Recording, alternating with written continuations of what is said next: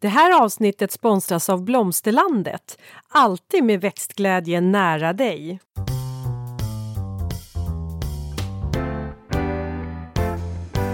Välkommen till Ulrika och Lindas trädgårdspodd och det är jag som är Linda Kjellén, trädgårdsmästare. Och det är jag som är Ulrika Levin, trädgårdsdesigner. Vet du, jag tycker nästan alltid att vi ska spela in här hos dig. Tycker du det? Ja, jag tycker jag sitter så mycket bättre Men du har i dina intagit sköna en soffor. yogaposition. Eh, en fuskvariant tror jag i så Åh, fall. Det är lite så här fredagsvariant i Ja, soffan. jag tror det.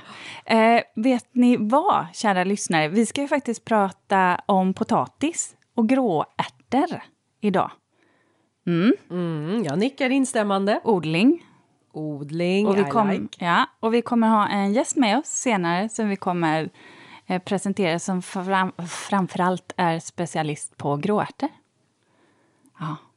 Men först, Ulrika, vad har du pysslat med sen sist vi sågs? Åh, vet du vad? Jag Nej. har faktiskt varit ute och tittat på eh, några nya jobb. Jaha. Ett riktigt stort som jag... Ah, jag hoppas verkligen att jag eh, ror eh, det land så jag får göra det. Jag kan inte säga någonting just nu. Eh, jag får avslöja sen om jag får ligger det det. i Eskilstuna? Nej, nej, nej. Nej, eh, det, eh, det är ett annat jätteroligt jobb som jag redan har fått faktiskt. Ja, men, det, det är eh, men sen var jag också på ett, och tittade på ett annat jobb. Du vet, det är en... Det är en gammal konstnärsvilla. Jag har gått förbi det här huset så många gånger. Och så nu fick jag komma in, för det är, eh, det är nya ägare. Och det är faktiskt en konstnär, konstnär som har bott där tidigare. Så när man kommer in där, vet Linda, så var det ateljén där. Det är fortfarande, som nu är vardagsrum, det var fortfarande, du vet, färgklickar på golvet och, och så här. Jag vet väl inte om de nya ägarna kommer ha det kvar eller inte. De måste nog känna in Men det ändå där. så levande i så här, allt Ja. det skapande. Det är ett väldigt, väldigt speciellt hus. Jag tycker om det, jag tycker det är vackert. Och eh, du vet ju själv det här när man då har glasat upp i rätt riktning så man får in det här fantastiska dagsljuset. Ja, jag tror att du hade gillat det. Ja, Mm. Du, apropå konst och konstnärer. Jag har eh, dragit igång mina konstkurser Ja, igen. ja Och vad nu- roligt. ja, det är faktiskt jätteroligt. Eh, De är efterlängtade, en efterlängtad kursstart. Så att vi, eh, vi är igång och vi är ju ett sånt himla härligt gäng som har den här kursen. Jag leder kursen, men vi har ju mera, alltså det blir ju mera som som en bokcirkel har jag nog pratat om förut, fast det här är en konstcirkel. Jag hjälper dem och, och i deras målningsprocess och coachar och tipsar och, och liksom inspirerar. Men sen pratar vi också om en varje vecka har vi en konstnär som vi fördjupar oss i och pratar om. Och så avslutar vi med att gå på en konstutställning. Eh, det sista vi gör innan vi har eh, avslutning för säsongen. Men det är väldigt roligt att få komma igång med konstkurserna. Ja, det är någonting med dem som är, mm, ligger mig varmt om hjärtat, ett arbete. Det förstår jag. Det är det. Och sen har jag börjat så smått faktiskt att förorda. Men bara lite, lite, lite. Jag vill inte börja för tidigt. Vet du vad? Jag har en liten förfrågan som jag kan slänga ut bara Aha, en beställning eller en förfrågan? Eller? Ja, Ja. vet du vad, när du säger så så kan det väl få vara både och. Ja, vet du, jag har fått hem lite fröer som jag kanske tänkte att jag skulle ge några av dem till dig så, så ska vi se om... Eh, om jag, nu, jag tänker så här, om jag misslyckas eh, med vissa sorter så, så kanske jag kommer få några fina eh, förodlade varianter av dig. Jag hade lite problem med sniglar och så förra året också. Ja, just det. Mhm. Ja, det var ett litet snigelår hemma hos mig.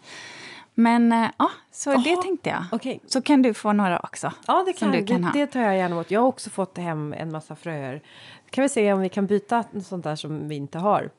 Ja, Fröbytardag kan du och jag ha. ja, Ja. det kan vi absolut ha. Kommer du ihåg förra året? Då hade vi en, eh, tror jag, en sticklingsbytardag. I år kan vi ha en fröbytardag. Det kan vi ha. Ja. Det tycker jag var en jättebra idé. Ja, för, ja, precis. Bra. Bra! Ja, bra. Men du, ehm, jag tänkte att vi faktiskt skulle börja med... Eh, vi delar upp ämnet, så vi börjar med potatisen. Ja, men det gör vi. Mm. Och ni som lyssnar på podden vet att jag oftast brukar vilja dra en liten historia som är kopplad till det växtslaget eller den i, det här fallet eh, potatisen vi ska prata om idag. Och historien kring, känner du till eh, din historia kring potatisen? Eh, När kom den till Sverige? Eh, jag svarar nej, Nej. på den frågan och sen vet inte på den Aha, andra. Oj! Mm, lite så här vi i femman. Ja. Okej, jag säger så här. 1650-talet, då kom potatisen och introducerades den eh, i Sverige. Men då var det främst som brännvin, ingrediens, som för att framställa brännvin. Och det var först alltså, nästan eh, eh, 150 år senare, på 1800-talet, som man faktiskt började, prata, alltså började odla den för att äta själva knölarna. Och eh, just där, liksom, under 1800-talets eh, liksom, era, då var det med alla bönder. Det kryllade av potatissorter. För alla bönder, många bönder hade liksom sina egna favoriter blev det. Och kring 1940-talet, det var ju då efterkrigstiden, så gjorde man en inventering och då hittade man närmare 220 stycken odlingsvärda sorter eh, som man då valde att eh, det är de här vi ska odla. Och då försvann väldigt många utav alla de, dessa äldre sorter. Eh, bland annat så bestämde man sig för Bintje och King Edward. Jag vet att eh, min mormor berättade mycket om det. Hon var ju född 1912 och när hon var liten så var ju potatisen var verkligen basföda. De var ju väldigt enkla torpare. En familj med, jag tror det var 13 barn. Eh, så att eh, det var potatis och ibland lingonsylt. kanske? Jag vet inte, potatisen var eh, mycket och Mycket min bas. farmor var ju potatisplockare. Plockare. Ja. det, det nämnde jag ju tidigare. Så Just det. det känns som att det var en viktig... Det var eh, föda, Mm. så att säga, för, för äldre generationer. En viktig basgröda, basföda, var ordet jag letade efter. Mm. Ja.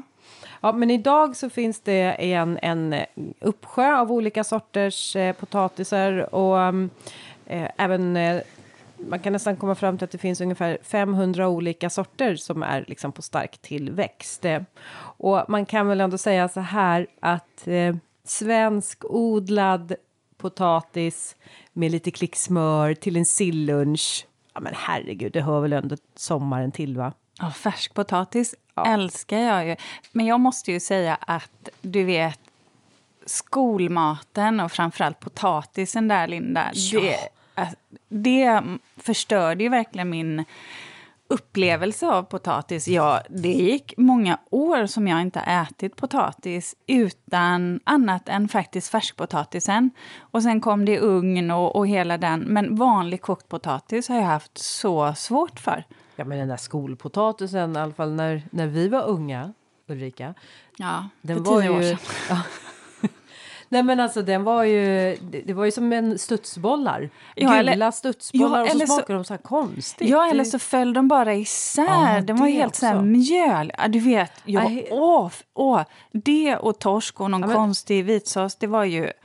Ja, men på riktigt, det kunde ju förstöra matlusten för de flesta. Så idag tar vi revansch och ska prata om riktigt god potatis. Precis. Mm. Ja, men Linda, jag tänkte att eh, du ska få, få köra här Ja. nu. Eh, men Historien måste, har vi koll på. Ja, Ja. men sen så här... Odlingsvärda sorter då? Ja, och då skulle jag vilja säga så här att ehm, odlingsvärda sorter anser jag vara såna som jag tycker i alla fall är tidiga. Och det är därför att det är de som eh, eh, hinner, man hinner skörda dem innan till exempel potatisbladmögel börjar härja. Och jag har några som jag tycker är vansinnigt goda och det är ju bland annat Amandine. Men även Minerva, Princess och så en sort som heter Rapido. Och det säger sig självt att den är ju Rapido. Väl, Rapido. Rocket finns också. Sen har jag en, eh, en finsk sort som jag vill rekommendera och den heter Timo. Timo. Mm. Varför jag vill rekommendera den det är väl egentligen för att det här är kan man säga Norrlandspotatis. Det här är en potatis som fungerar alldeles utmärkt att plantera ner i en kall jord. Men annars så skulle jag vilja säga så här att när ni ska köpa er potatisar och, och kanske börja förodla eller plantera ut så kanske det är så att man går och sneglar på den där potatisen som ligger i kylskåpet och bara kan vi inte använda den?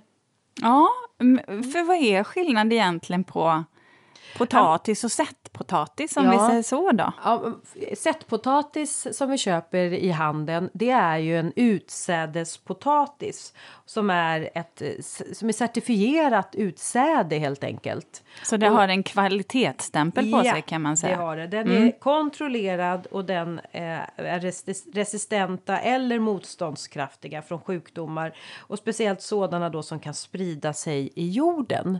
Så att är det så att man tar den här potatisen som ligger i kylskåpet och planterar ner som man har köpt på någon mataffär så finns det en risk för att det kan vara virussjukdomar som man sen sprider vidare om man odlar den rätt i marken. Mm, så tråkigt. Att, ja, mm. så man kan väl säga så här. Ta för vana och köp utsädespotatis och får du ändå för dig att jag vill sätta den där lilla potatisknölen från kylskåpet. Ta då och plantera den i kruka. För kruka tycker jag också är ett väldigt bra sätt att odla potatis på. Och det kan räcka med att man har ja, men en ja, men kanske en sju, åtta stycken såna här baljor. Det är typ som hinkar. Eh, på hur många liter kan det vara? En, eh, kan det vara 40 liter jord kanske? Eh, mellan 30 till 40 liter. Kan säkert fungera mindre också beroende på hur många knölar man vill ha i. Men det brukar jag alltid göra och då brukar jag eh, ha dem ute i växthuset tidigt på säsongen. Och sen så kan jag börja skörda lagom till midsommar. Vet du vad, det där var ju precis det min man gjorde. För han, han, eh, han eh, lyssnade ju där på ditt tips. Så han eh, förgrodde. Eh, eh, eller för, ja, förgror men eller, också förodla. Ja, Eh, de låg på fönsterbrädan tror jag det var och sen så fick de bara lite groddar på sig.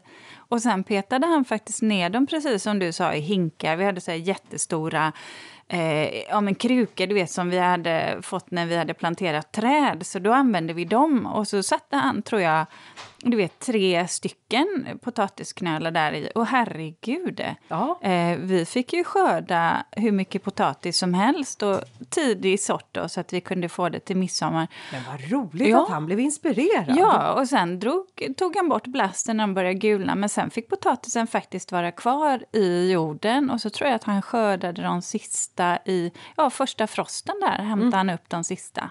Fantastiskt. Ja, men det är faktiskt så att man kan ju mer eller mindre förvara sin potatis kvar under marken. Ja, det gick ju... Det, ja, han, jag tror han var... Klippa bort han, plasten bara. Han var förvånad över, ja för det gjorde han, han var förvånad över att det lyckades så väl. Ja. Faktiskt. Men du, du sa att han förgroddade dem. Det är ganska vanligt att man lägger dem eh, kanske i en äggkartong, sätter ner dem ett par stycken och så får de stå och så får det växa till sig groddar.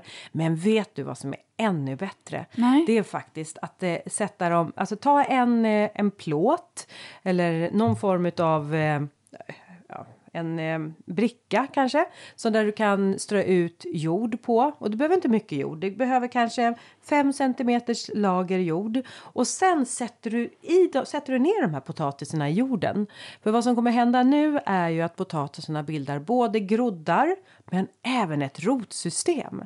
Mm. Så när det är dags att plantera ut de här i krukan efter låt säga mellan tre till fyra veckor så då har ju du färdiga potatisplantor. Då har kanske till och med de här groddarna redan börjat gått upp i ett bladverk. Och då ligger man ju vansinnigt tidigt ute. Ja, just det. Jag undrar om man inte gjorde så på några också. Mm. När du säger det, just den där blasten. Ja. Ja, du ser, det var ju inte jag som gjorde det utan det var ju maken, ja. därför jag inte har koll. Ja, men Nej, jag tyckte det var fantastiskt. Ja.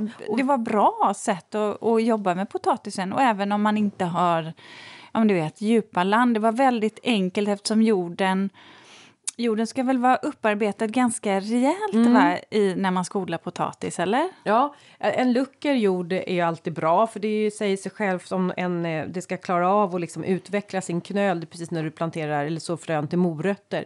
Är jorden för stum och för liksom, styv då har den ingen möjlighet att, eh, att utvecklas eh, utan du vill ju att det ska vara en porös jord så att den här knölen har en möjlighet att växa. Och det gör man ju då om man odlar också som sagt i kruka så passar ju det alldeles utmärkt.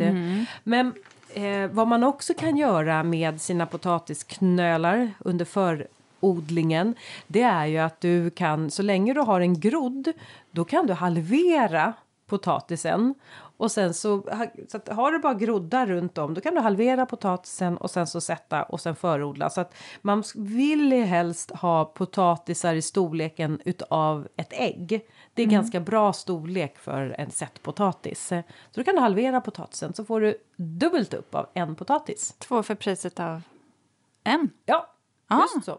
Alltså jag måste ju berätta om en ganska, oh, en ganska stressad historia. Eh, Jag har de senaste två åren varit med på Nyhetsmorgon och sen har jag eh, odlat potatis så att det ska kunna skördas lagom till midsommar. Så att då har vi ju haft det som en så här följetong när vi har stått här hemma i mitt växthus och jag har planterat potatisknölarna och lagt ner dem i den här krukan. Och sen så efter ungefär åtta veckor då är det dags för skörd inne i studion. Och första gången som jag gjorde det här så blev jag lite orolig så här någon vecka innan att tänk om det inte har kommit några knölar. Alltså jag är ju en loser, jag är ju avslöjad som att vara en icke liksom behörig trädgårdsmästare, kan inte odla potatisar och visa det i direktsändning. Så att jag började få lite svårt att sova om nätterna och jag tänkte jag måste ner med handen och känna efter. Och jag kände och kände krukan men jag såg, eller jag kände aldrig någon potatis. Så jag tänkte att ja, det här kommer inte funka. Så dagen innan jag ska vara med i sändning då säger jag så här till min man. Du, jag åker ner till mataffären. Jag måste köpa lite potatisar, färsk potatis. Han bara va? Jo, jag måste göra det. Jag måste fylla potatisen här i krukan med köpepotatis. För tänk om det inte är någon potatisar. Jag kommer vara liksom rökt. Han bara nej. Du kan ju inte fylla, du ska ju, fuska. Jag tänkte bara, säga det. Ja, Nej. Så han, det kan du Ja. inte göra. Så Ja. får du inte göra. Ja, men tänk, jag kan ju inte stå där och så är det inga potatisar. Men det kommer ju synas. Färskpotatis har ju ingen skal. Så jag bara, nej, nej, nej, nej, det kommer inte synas. För jag kommer borsta bort det där skalet av, från köpepotatisen. Så att jag gör det här. Jag åker ner och sen så har jag, jag har fortfarande inte fyllt de här korgarna med köpepotatisen. Men jag står utanför studion och, och liksom det blinkar och det är dags ska jag, ska jag snart gå in och jag bara står med de här potatisarna och liksom min mans röst ekar. Du kan inte göra så Linda, det är att fuska. Inte i direktsändning, då blir du avslöjad. Jag bara nej, nej, hur ska jag göra? Nej, jag tänkte så här, jag skiter i det. Det får bli en rolig grej. Finns det inga potatisar får det bli en rolig grej i direktsändning. Jaha, säger att man misslyckas. Man misslyckas, det är Men hur gick sätt. det då, för guds skull? Ja, men alltså. Det överraskade både mig och programledarna för jag hade lyckats. Alltså det var eufori! Man kan titta på det här klippet i efterhand hur Maria och eh, Martin var det väl. De bara titta här, här är jag en potatis, en till, en till. De var helt så här galna. Men hade, hade du sagt till dem att du var väldigt tveksam till om det fanns någon potatis? Jag tror jag sa det fast lite på skoj sådär för att jag skulle låtsas som att jag har Ja, att du självförtroende. väckte ändå den där... Ja. Ja. du, ville, du ville dela Jag ville i alla fall dela det lite, men jag kände att ah, det, var, det, var en, det var en pers kan man Men gud vad säga. bra att du inte gjorde det Linda, för Nej. det där tror jag hade... Det hade kunnat slagit tillbaks på mig. Ja, Säg.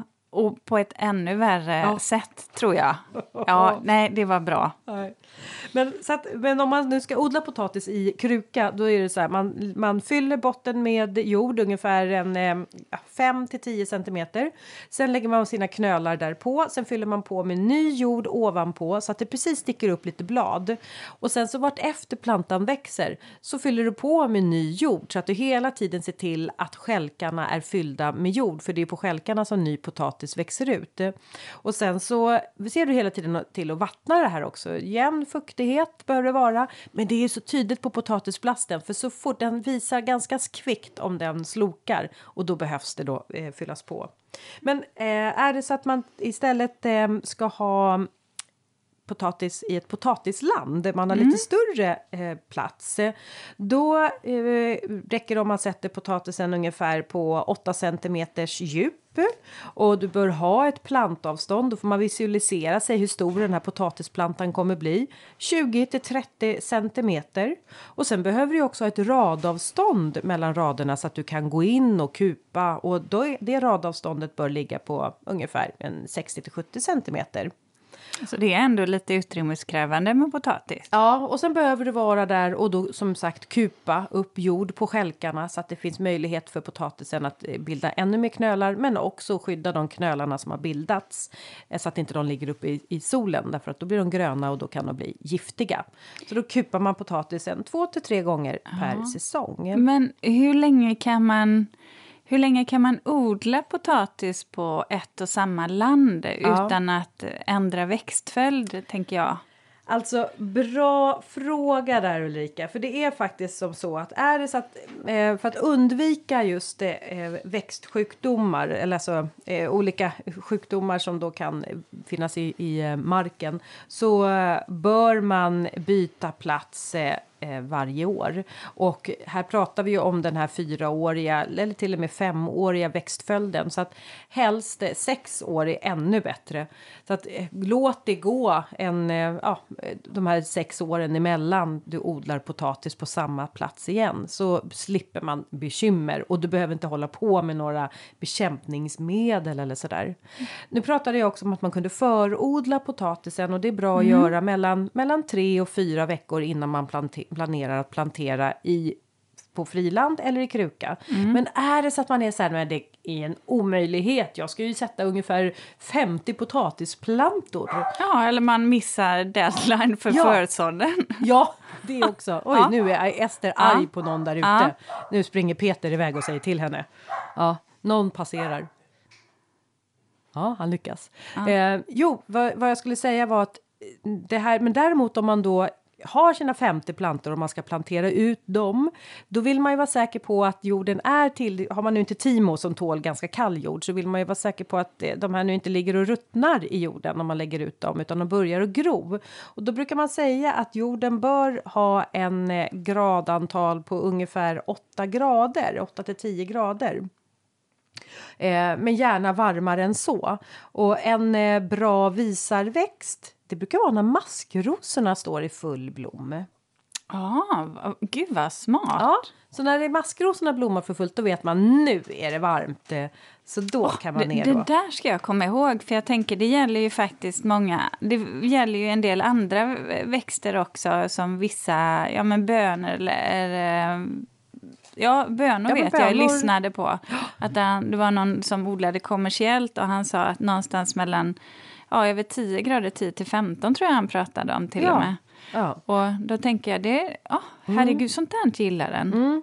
Men okej, om vi bara, då, nu har jag ju gett lite förslag på odlingsvärda sorter. Ja. Men om man nu är nybörjare och man känner så här, åh gud, håller reda på alla dessa namn. Då finns det ju så himla smart ordnat såna här påsar som det står vårpotatis, sommarpotatis eller höstpotatis. Ja, Ja. Mm. kan inte du förklara skillnaden mellan dem? Jo, vårpotatisen den eh, tar ungefär åtta veckor eh, ifrån att man liksom börjar och eh, om den är förodlad, från att du har planterat ner den till skörd.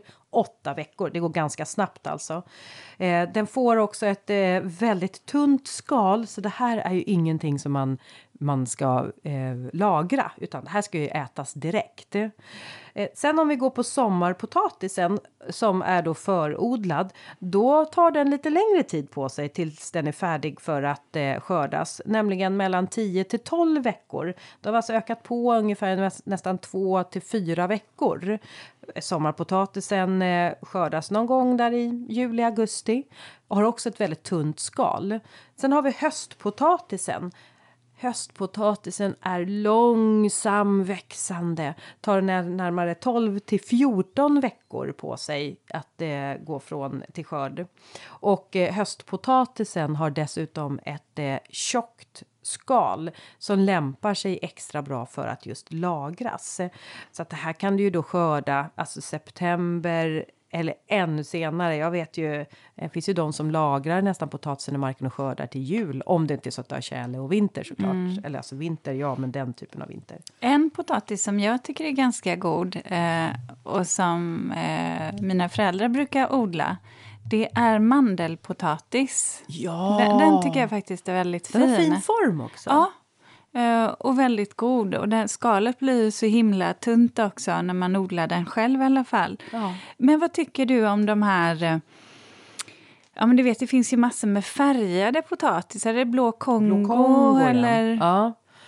Hur är smaken på dem? Jag har aldrig testat dem. Jag vet att eh, det har Nej. testodlats lite bland min bekantskapskrets bara för att de är just har den där färgen. Men är, är, de goda eller är de... Är Jag har faktiskt svårt att svara på det. Jag har, ja, jag har själv inte odlat eh, någon av de här Mm. eh, andra färgerna på potatis. Utan det är eh, Amandine som är liksom ah, min eh, favorit. Eh, Ja. Så nötig. Eller Åh, som du nötig. säger. Ja. Ja, där, Ja, ja. eh, ja. Men annars om man Allt, tänker allt som har nöt allt med nöt, vi går igång på det. Ja, jag Ja. gör det. Ja, jag, jag är med. jag älskar Eh, nötter. Men om vi tittar på skötsel av potatisen, förutom att den behöver kupas så behöver. Mm. den ju vattnas. Men det behöver alltså minimalt med näring. Ja, det är Odlar du kruka och du planterar i en ny blomjord, då behöver du inte ge den någon näring. hemma. Därför att Om- ger du för mycket när, eller ger du näring, vad händer då Ulrika?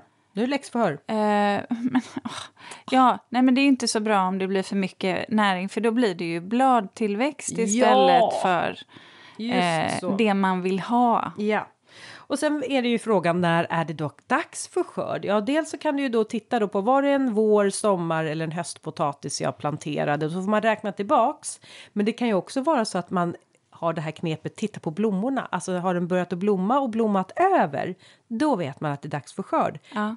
Men det är inte alla potatissorter som blommar.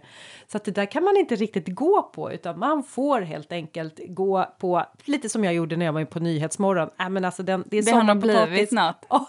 Ja, nej men det är, man får gå sommarpotatis åtta veckor då bör det ha blivit några knölar. men jag tänker så här, man åker väl på semester, man kanske inte ens ser när de blommar. Nej, det också. Så ser man att de har blommat över. Men eh, Ja, det kanske jag ska gör. säga dig, det här med att eh, skörda potatisen och gräva. Alltså, ta, man ska göra det i sådana fall med eh, en grep i landet så att man inte klyver onödan.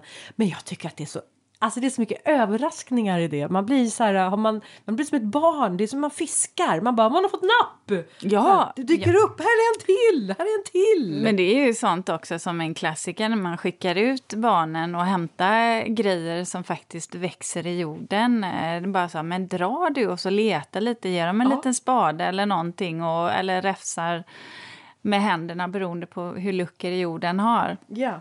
Det går ju alldeles utmärkt. Men jag måste bara fråga dig. Då kommer vi in på det här och du nämnde det innan med sjukdomar.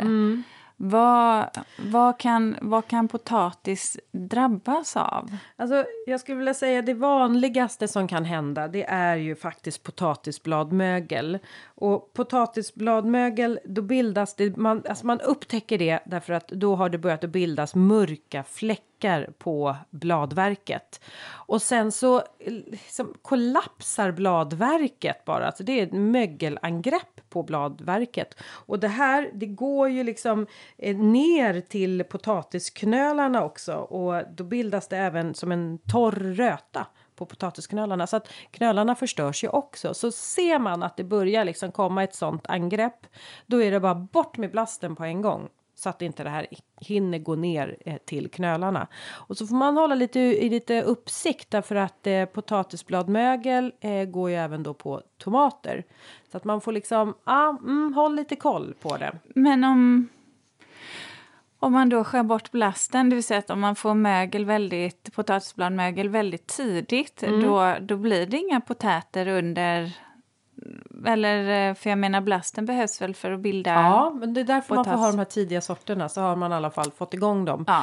Eh, men som sagt, eh, potatisbladmögel kommer ju med, det är ju mycket årstiden som styr, eller årstiden, säsongen som styr vad vi har för väderlek. Och Är det, det är ju när det blir liksom varmt och fukt. Ja. Ja, att det kan vara lite växelvis, väldigt Ja. torrt ibland och sen kanske lite för mycket regn och lite typ som mjöldagg också. ja, varmt och fuktigt. Ja, eh, jag fattar. Mm. Ehm, men, men så att det är... ehm, ja, och sen finns det ju också såklart andra, andra sorter också. Men det, det är väl den här potatisbladmögel som jag främst vill liksom eh, lyfta. Så tidiga sorter om Tidiga man... sorter. Om man vet att man kan ha haft det problemet. Ja. Eh, Och sen kom ihåg att byta plats varje år. Växtföljd. Växtföljden. Ja. Nej men gud, nu är jag sugen på att börja förodla.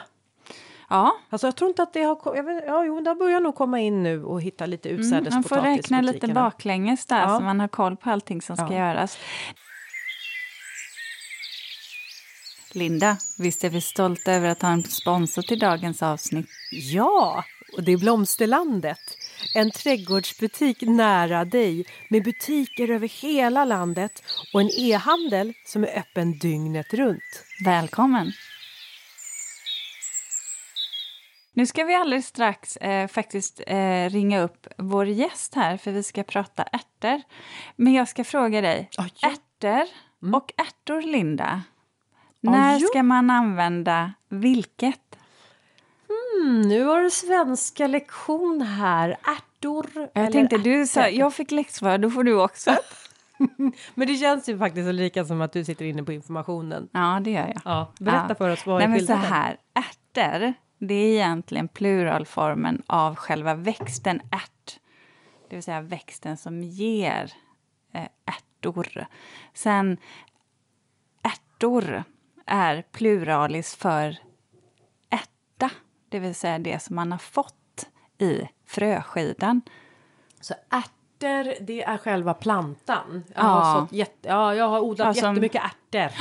Och sen har jag skördat väldigt mycket ärtor. Ja, Där precis. satte jag in det i ett kontext också. Heter det så? Ja. Och det blir väldigt mycket svenska lektion här. ja, Ja. nu ringer vi upp Agneta. Vi ringer! Nu har vi ringt upp Agneta Magnusson. Du är fröodlande, kulturvetare, föreläsare och författare. Hej Agneta! Hej, Hej, välkommen till, till podden. tack ska ni ha. Du, vi, eh, vi vill ju så gärna att du skulle vara med här i vårt avsnitt för att vi ska prata om gråärtor. Mm. Det är liksom ligger mig ganska varmt om hjärtat. Ja, det gör det va? Men då, då måste jag bara fråga, varför då? Inte så för att jag vet någonting om, men det är ett ganska... Det är ett, ganska, det är ett lite tråkigt namn, tänker jag. Gråärt, det är inte sådär spontant någonting som jag hade valt eh, om jag hade gått i handeln. Men vad är det som är så eh, fantastiskt med de här? Ja, men det är en överlevnadsteknik för dem, för det här är gamla såna här urärtor som har odlats i många tusen år och för att överleva så har de varit lite beska.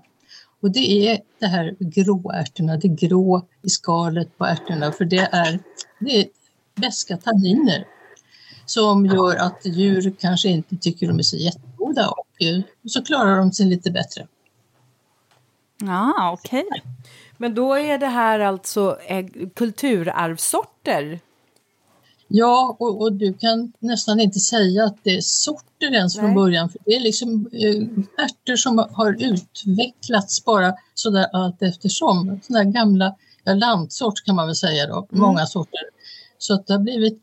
Um, nu har jag varit aktiv i föreningen Sesam i många år och eh, hade hand om ärtorna och då hade vi ett 60-tal sorters gråärtor och kanske 20 blåärtor. Så det här är en, det är en rik samling och de är inte alls lika. De smakar olika och de ser olika ut och de eh, uppför sig inte riktigt likadant heller. Så det här är en hel värld. Men är, är, det här, är det här ärtor som vi har, eh, som har glömts bort, tycker du? Eh, som har gått lite förlorade i, i nya eh, varianter? Ja, för att det här var ju ofta åkerärtor för man odlade de här för, för att ätas på vintern, liksom både för djur och människor och det behövdes ju ganska stora ytor då. Och då så tog man dem och eh, slog dem med lie och hässjade och det är lite av, av svaret. Mm. Ja. Men det är intressant som du säger att man odlar det på åkermarker för det här var ju också eh, mat för, för djuren. Alltså det var ju inte bara mat för, eh, för människan utan även också foder. Mm.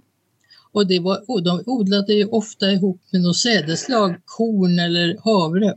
Och, och det visste de automatiskt att det här var perfekt blandning av eh, proteiner, olika sorters proteiner. Så du fick ett högvärdigt födoämne både för djuren och människorna genom att blanda då ärtor och, eh, de här sädeslagen. Men hur gjorde man när man skördade de här då, då undrar jag? För att om de då växte som växtstöd då på sädeslagen, hur gjorde man för att skörda? Skördade man hela plantorna bara? Det var inte bara baljorna eller skidorna? Nej, utan när, när något av dem hade eh, ja, torkat klart, eh, till exempel havren då som de hade som de fick klättra på de här ärtorna, så, så tog man med lie och eh, och slog och sen fick de torka på hässjor. Nu, nu, har man nog kommit på lite bättre moderna metoder men, men eh, sen så blev det att de fick ju tröskas och malas ihop ofta. Sådana ärtbland och du får ett jättebra resultat på det. Mm. Mm. Men stämmer det att eh, gråärtorna är liksom mer robustare, att de har också ett mer kraftigare rotsystem då? Ja, det, det, är helt klart. Och dessutom så behöver ju du aldrig, eller aldrig ska jag inte säga, men du behöver inte gödsla så mycket för de här är ju kvävefixerare. Mm. Så att de gödslar jorden själva. Och det behöver inte vara så himla märkvärdig jord utan det kan vara ganska magert. Det går bra ändå. Mm. Så det här med kikärtor, det är ingenting kanske som vi ska hålla på och, och importera för vi har våra egna gråärtor. Det är ju fullständigt onödigt. Du kan ju odla gråärtor i nästan hela Sverige. Det finns ju lokala varianter över, ja, på de flesta ställen. Och dessutom så, så finns det ju faktiskt en hel del gråärtor som är i åkerodling nu igen. Mm. Men, men eh, får jag bara eh, slänga in en fråga då? För eh, kikärtor är en, en ganska vanlig gröda. Jag tänker eller jo, men som man faktiskt använder framförallt om man vill komma åt lite proteiner och lite andra näringsämnen. Man kan göra hummus och ja, massor med andra saker. Eh, har, är det liksom så du tänker kring gråärten också? Ersätter den också näringsmässigt och smakmässigt eh, kikärten? Ja, du kan använda den till precis samma ändamål plus att du har en mycket större variation på smakerna bland gråärtorna. Så man kan prova sig fram och så kan man hitta någon med nötsmak, någon med neutral smak, någon med någon, ja, någon annan karaktär. Så oh. det här är mycket spännande faktiskt. Du, ja, när du sa det, det här med nötsmak, då fångade du min uppmärksamhet. Har du någon speciell sort där som du skulle vilja tipsa om? Jag gör mandelmassa på gråärtor också. Jaha, oj. Ja, ja du maler då, mjöl eller? Ja, eh, och sen eh, så blandar jag med lite socker. Ja, det är, en, det är en liten process men det går alldeles utmärkt att, att göra så kallad mandelmassa med vad man nu ska kalla det för ärtmassa istället för mandelmassa. Ja. Så att det, det går att hitta på massa saker med det här med gråärtorna. Har du någon speciell sort då som du använder just eh, som, som du tycker är extra nötig? Ja, eh, och då finns det en speciell sort. Eh, ja, det går att använda flera sorter, men det är en som heter biskopens gråärt. Det, där, det, måste jag, det tyckte jag lät eh, väldigt intressant faktiskt. Biskopens. Ja. Biskopens, mm. ja. ja. Annars så finns det väl en annan ganska känd lokförare va? Ja, och det är en annan typ, det är en ja. gråsockerärt.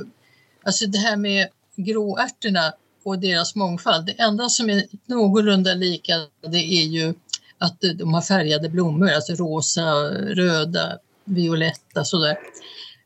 Så att det är deras gemensamma nämnare. Men sen förstår du, då, då finns det variationer. Och då tänker jag på lok, lokföraren då som blir uppåt tre meter. Lokförare oj, oj, oj. Ja. ja. Och baljorna, hur stora blir de då? Ja, 2-2,5 centimeter breda och ja, 20-25 centimeter långa. Oh.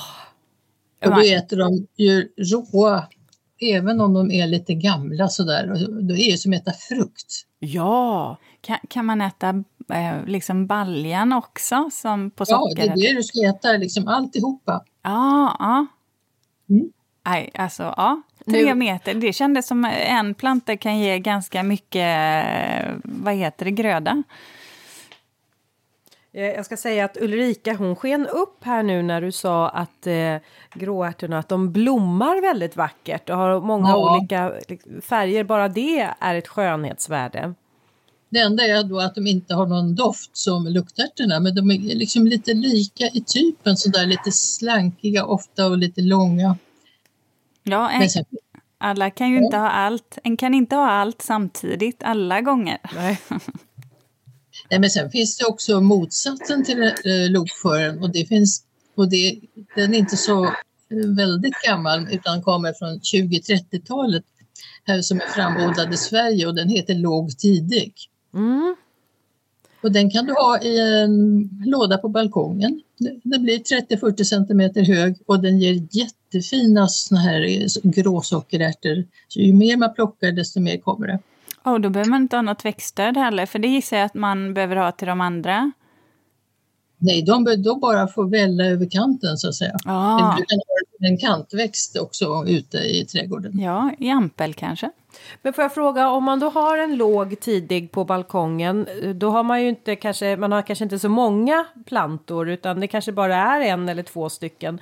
Hur länge kan man skörda utav den plantan? Eller jag har nämligen en en upplevelse av att mina sockerärtor, nu pratar jag sockerärtor dock, eh, när jag mm. odlar dem, så blir det som att efter ett par veckor efter jag har skördat, då blir de, de tappar färgen, de torkar in, de gulnar och liksom hela plantan kollapsar. Så att det är dags att se till att man har haft en annan planta mm. som är på väg att växa upp så att de kan byta av varandra.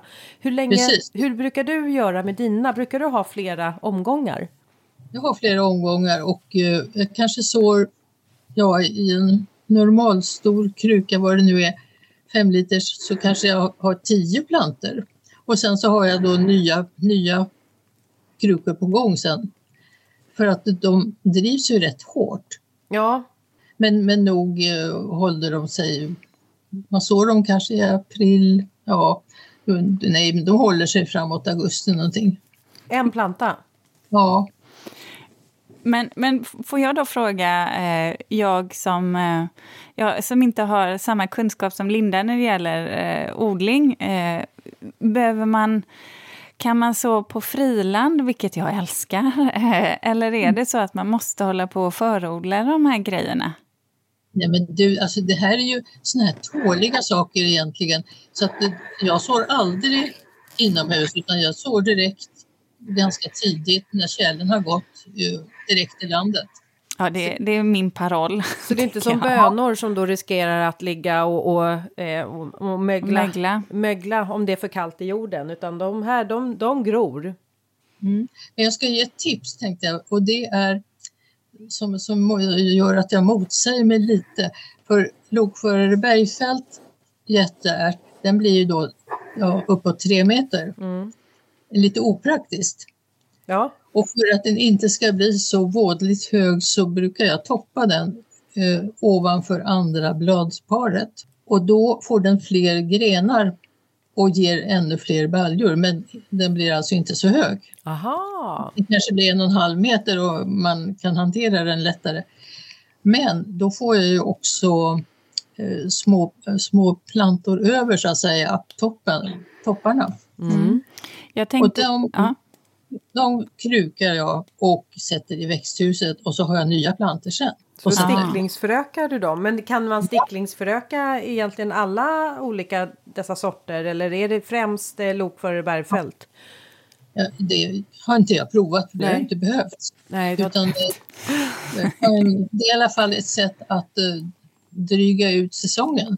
Ja. Jag tänkte på, eh, finns det några fler odlingsvärda sorter som du vill tipsa oss om?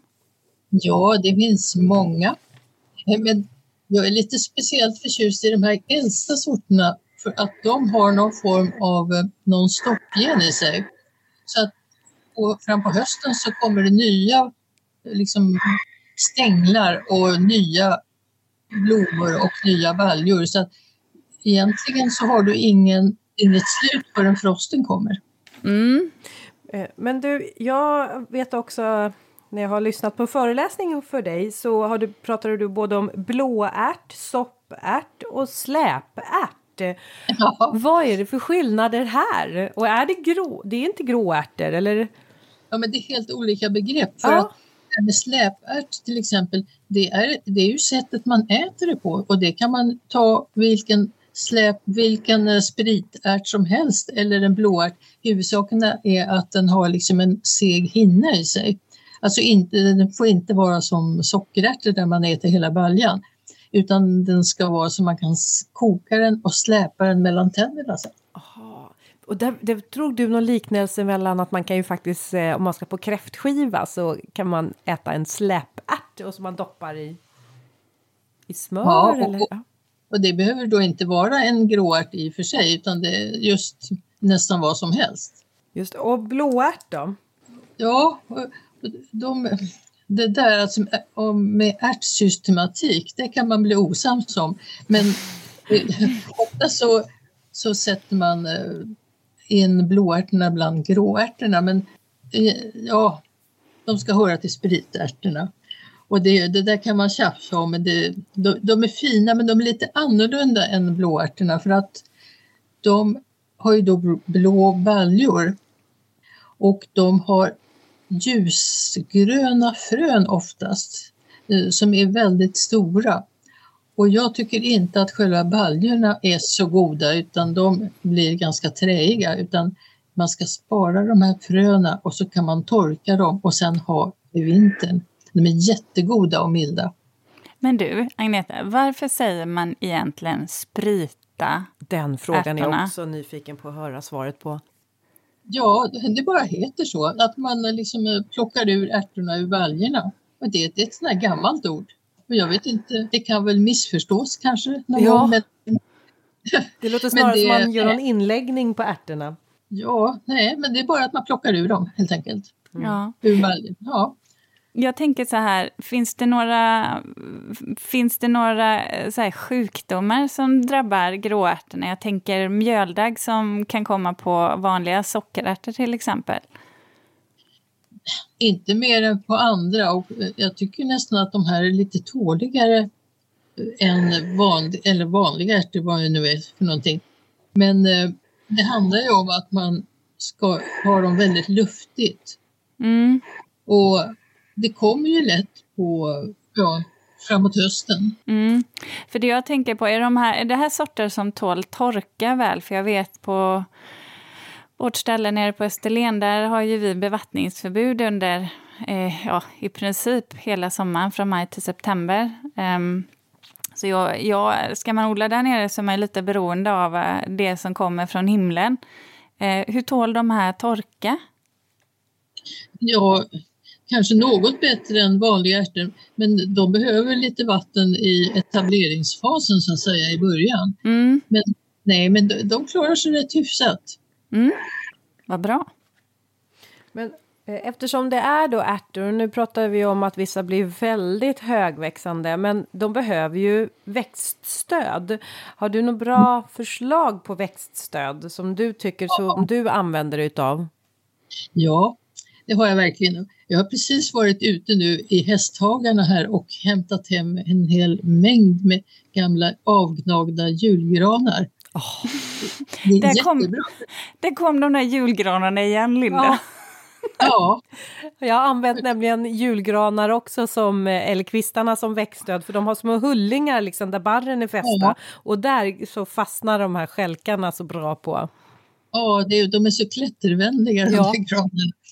Och- Så det är liksom ett väldigt bra tips tycker jag. Och eh, sen har jag armeringsnät och hönsnät och så binder jag upp de eh, ärtorna med eh, mjuka mattrasor. Jaha, det är Mm. återbruk. Ja, och då, de, eh, det, det blir så bra för de, man förstör inte eller stör inte ärtorna någonting utan det, det, det är väldigt skonsamt. Ja, det blir ju mjukt framförallt. Det kan inte ligga och Mm. skava heller. Men om man, eh, om man skulle bli sugen då på att eh, prova gråärtor, eh, hur får man tag på fröer? Finns de i, i vanliga handeln eller är det liksom, behöver man gå på eh, mässor? Och, eh, det, hur får man tag på fröer? Ja, det är en bra fråga. Nej, men det, det, det finns några sorter nu som, eh, som eh, finns på riktigt så att säga. Vilka är det? Rättiksärtorna till exempel, det är ju den här åkerärten ärten som då har kommit igång igen på riktigt på åkrar här uppe i Dalarna, i Rättvikstrakten. Och den säljs ju till exempel av Nordisk råvara i kiloförpackningar. Precis, där har jag handlat ifrån kan jag säga. Ja, var det Ja. därifrån du Mm. Ja. De har, de har flera sorter också eh, som kanske inte har, namngivna men de funkar ju också att odla så man kan ju prova på den vägen. Men sen börjar det komma väldigt många, ska jag inte säga ganska många nya små eh, fröfirmor i Sverige. Mm. Det här Nordfrö och Kinnekullefrö och Hur är det? ja, Jag och vet, jag vet att du har en, en eh, förstod jag som favoritärta. Eh, ja, Du har säkert många, men jag tänker på en speciell. eh, du tänker på sollerärten? Ja, det gör jag.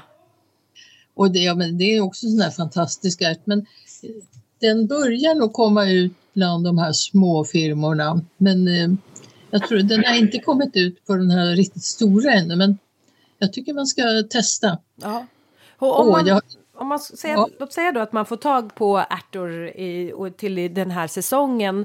Men då vill man ju försäkra sig om att man även kan få fortsätta odla även nästa säsong. Så hur går man tillväga om man vill ta fröer eller egna då, ja, eh, fröer ska jag inte säga, ärtor ska jag säga. Men det är ju busenkelt för då, ärtor är ju de, det- ärtor är ju det enklaste att ta frö från. Det är bara att låta baljorna hänga kvar tills de är riktigt torra och så torkar man dem vidare sen inne. Vi pratade tidigare med en gäst som pratade om luktärtor och hon rekommenderade att man bör ta eh, då ärtorna från de som eh, eh, blommar allra först på säsongen. Det beror på liksom vad man är ute efter, antingen de tidigaste eller de största. Mm. Man kan ju liksom ha lite, lite koll och sen sätta då ett band eller ett snöre på de här så man inte går och äter upp dem. Just det. Och ska man låta dem torka på plantan eller tar man och Ja. plockar av? Det, man låter dem torka på plantan. På plantan och skulle det bli regnperiod av något slag eller kallt eller något, då får man väl rycka upp plantan och hänga den upp och ner så att säga inomhus. Under tak i alla fall så att de får torka ordentligt. Mm. Och, eh, och sen så när, och de som man vill använda och som man torkar, de kan, vet jag att du använder och maler ner till mjöl. Ja, och då gäller det att få tag i en bra kvarn för att de är hårda. Det är ungefär som man ska mala majs. Oh, Och väldigt hårda. Men det finns en genväg och Ja. det är att eh, man kan ju då lägga dem i blöt när de har torkat och eh, ja, eller mosa eller mixa när de är blötlagda. Så du, du kan gå den vägen också. Jag brukar faktiskt rosta ärtor. Det kan vara jättegott med lite olika kryddningar och sådär. Så har man Ja. ett gott snacks. Mm, Mm. det låter också. Knaprigt som bara den. Ja, det kan jag tänka mig. Ja. Agneta, vi vill, eh, tack för att du ville vara med i våran podd och lära oss eh, eh, så mycket nytt om just gråärtor. Eh, det ska helt klart bli så att jag kommer plantera några, sätta några ärtor ute Ja, på jag Åsby. med. Jag med. Jag tänkte jag ska, jag ska föreslå det här för min son och hans sambo som bor i lägenhet som har en liten balkong. Det lät ju fantastiskt Men att ta den där delegerar du bort lågtidigt. igen nu? Ja, men man måste sprida glädje och kunskap, tänker jag. Ja. Mm, det är så jag gör. ja. Det går att få tag i ärtor på mässor och på trädgårdsföreningar och lite lokalt. Försök Ja. att hitta lite lokalsorter. ja, Bra tips. bra tips ja. ja. Tack så mycket, Agneta. Tack Agneta. Hej! Hej hej. Hej! Gråärtor, det, det känns som... Det kommer jag faktiskt testa att odla. Vet du, det kommer jag också göra i år. Jag har ju känt till gråärtor i ganska många år. Men jag har inte förstått det är, liksom, det, det är fascinerande med dem att det också är kulturarvsväxter eller gammel, gamla sorter. Jag tror att du har varit för insnöad på sommarblommor, Linda. Ja, det kan vara så Ja. att eh, gråärtor, gråvatten, det har inte riktigt lockat mig. Men nu har Agneta väckt mitt intresse. Ja, men du... eh, ja. Ja. har du en reflektion? Det tog stopp i huvudet. Det är bara så här, vart ska jag någonstans? Eh, Vi kanske gör- också ska faktiskt be om ursäkt för eh, ljudkvaliteten för att Ja. det var någon störning där va? Ja, det skrapade en del och jag tror faktiskt att det kan vara lite svårt att, att få bort. Så här är det ju när vi har gäster, att vi har ju ingen, ingen extra studio som de kan gå in i. Därav kan det bli lite dåligt ljud ibland när vi poddar, speciellt om tekniken inte funkar helt hundra. Så vi ber om ursäkt i, i, om det var lite svårt. Jag hoppas att det gick bra att höra ändå, mm. Agneta sa. Det skrapade lite, tror jag. Är du intresserad av att höra om jag har en reflektion, eller? Japp. Tänk att jag har det idag. Ja. Jo, vet du. Vi har ju nu blivit ägare till en stor gård. Och i och med det så tänker man ju att eh, det här det här gör väl var och varannan människa. Köper en gård så här lite. Eller i alla fall förändrar livet och ah, men när jag pratar runt och folk så här, då börjar man inse att men vänta nu, jag är så här 45 plus och min man är 55 plus. Och då när jag börjar titta så på Instagram och hitta andra som också har köpt gård, jag bara åh, ni är lite som mig, vi har också köpt en gård och bara men vänta, ni är 35 år och småbarn. Vi är liksom närmare pension och har, eh, ska ha barnbarn. Och då blir jag lite så här, jag tappar lite tron på... Alltså jag ska inte säga att jag du tappar, tappar modet. Ja, exakt! För jag blir lite så här, jag ser på mig utifrån hur andra ser på mig. Och då inser jag så här, det kanske är det som är det normala. Och då tittar jag på min man och så tänker jag så här, helskotta har vi gjort? Sånt här gör tydligen man inte i den här åldern. Man är tydligen 35 när man gör det här. Ja, men vet du vad, vet du vad min mamma alltid sa? Nej. Hon är ändå... Jag blir liksom, varm när jag pratar om det här blev, också. Hon var ändå gammal akutsjuksköterska i grunden. Hon sa så här, äsch, vet du vad, mellan 55 70 eller 55 75, det händer inte så himla mycket med kroppen. Men sen går det ut för Ulrika, sa hon. Ja.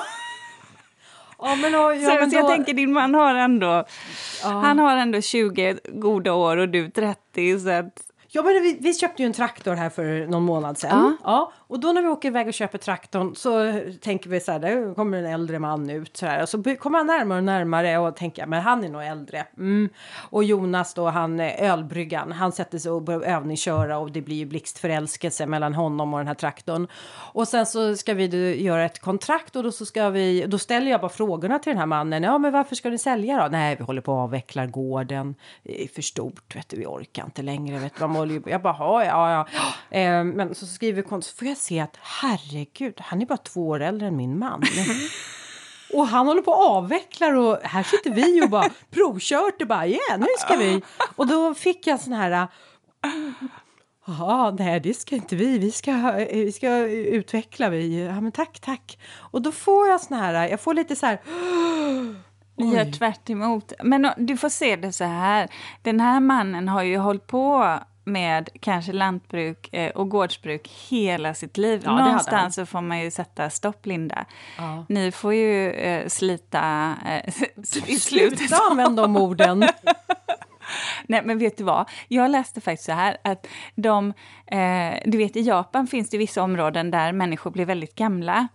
Ja. Eh, och då sa de så här att en del av det trodde de, jag, eh, det här, jag ska inte säga vad, vad, forskningen visar, men då sa de att faktiskt en del var det här att man rörde sig, att man gick ut och odlade och skötte sina odlingar, att man höll på med kroppsarbete. Inte slet ut sig då, det, det, det är det där jag är lite orolig för. Nej, men ni har ju en traktor. Ja, precis. Nu har vi en och traktor. Och ni har, ni har unga barn. Ja, som säger att åka hela vägen dit, tror inte det mamma? Säger de. men ni har snälla vänner. Ja, tack Ulrika. I samma ålder. Peter, ni som har åldern inne. Fan, det kommer bli ett pensionärshem på Åsby. Alla vi som tror att vi är unga fortfarande. Åh, oh, vad roligt. Ja, det är en reflektion över att, eh, ja, att omgivningen eh, talar om för oss att eh, nej, det kanske inte är det mest normala att göra en sån här nej. sak i den här åldern. Men nu gör du vi det. Du börjar landa. Det, det är en liten annan fas nu tror jag. Ja, jag börjar komma in i en, men vi ska inte säga att man har landat det. Uh. Är det nu när du har slängt all medicin, morfin ja. och så? Ja, precis. Efter, ben. Efter benbrottet. ja, det var ju inte en bra start för att bli, bli bondmora, liksom, och gå och bryta benet. Men... Eh, nej. Nej. nej. Men nej. Bara, bara det också. Och det, kan, det kan bli en annan reflektion, för det är också en reflektion över det. Men jag mår bra i mitt ben, ish, nu. Ja, men det är ju Har skönt. du sett några kryckor? Nej, men jag var faktiskt lite orolig när vi var ute hos dig på Åsbygård eh, och jag såg dig... Eh, oh, jag fick panik. Jag, jag trodde du skulle trilla var och varannan gång och jag bara herregud. Som sagt, man är ju mogen nog för att köpa en gård. Ja, men inte Övermogen. mogen nog. Ja. Uppenbarligen inte, inte tillräckligt eftertänksam för att bara låta bli. Och- Ja, du vet, nej, jag, blev, då, jag, tyckte, jag var lite rädd att du skulle trilla. Det gjorde du inte. Nej. Eh, men jag kände att du hade kunnat överlåta det till mig. Mm. Mm.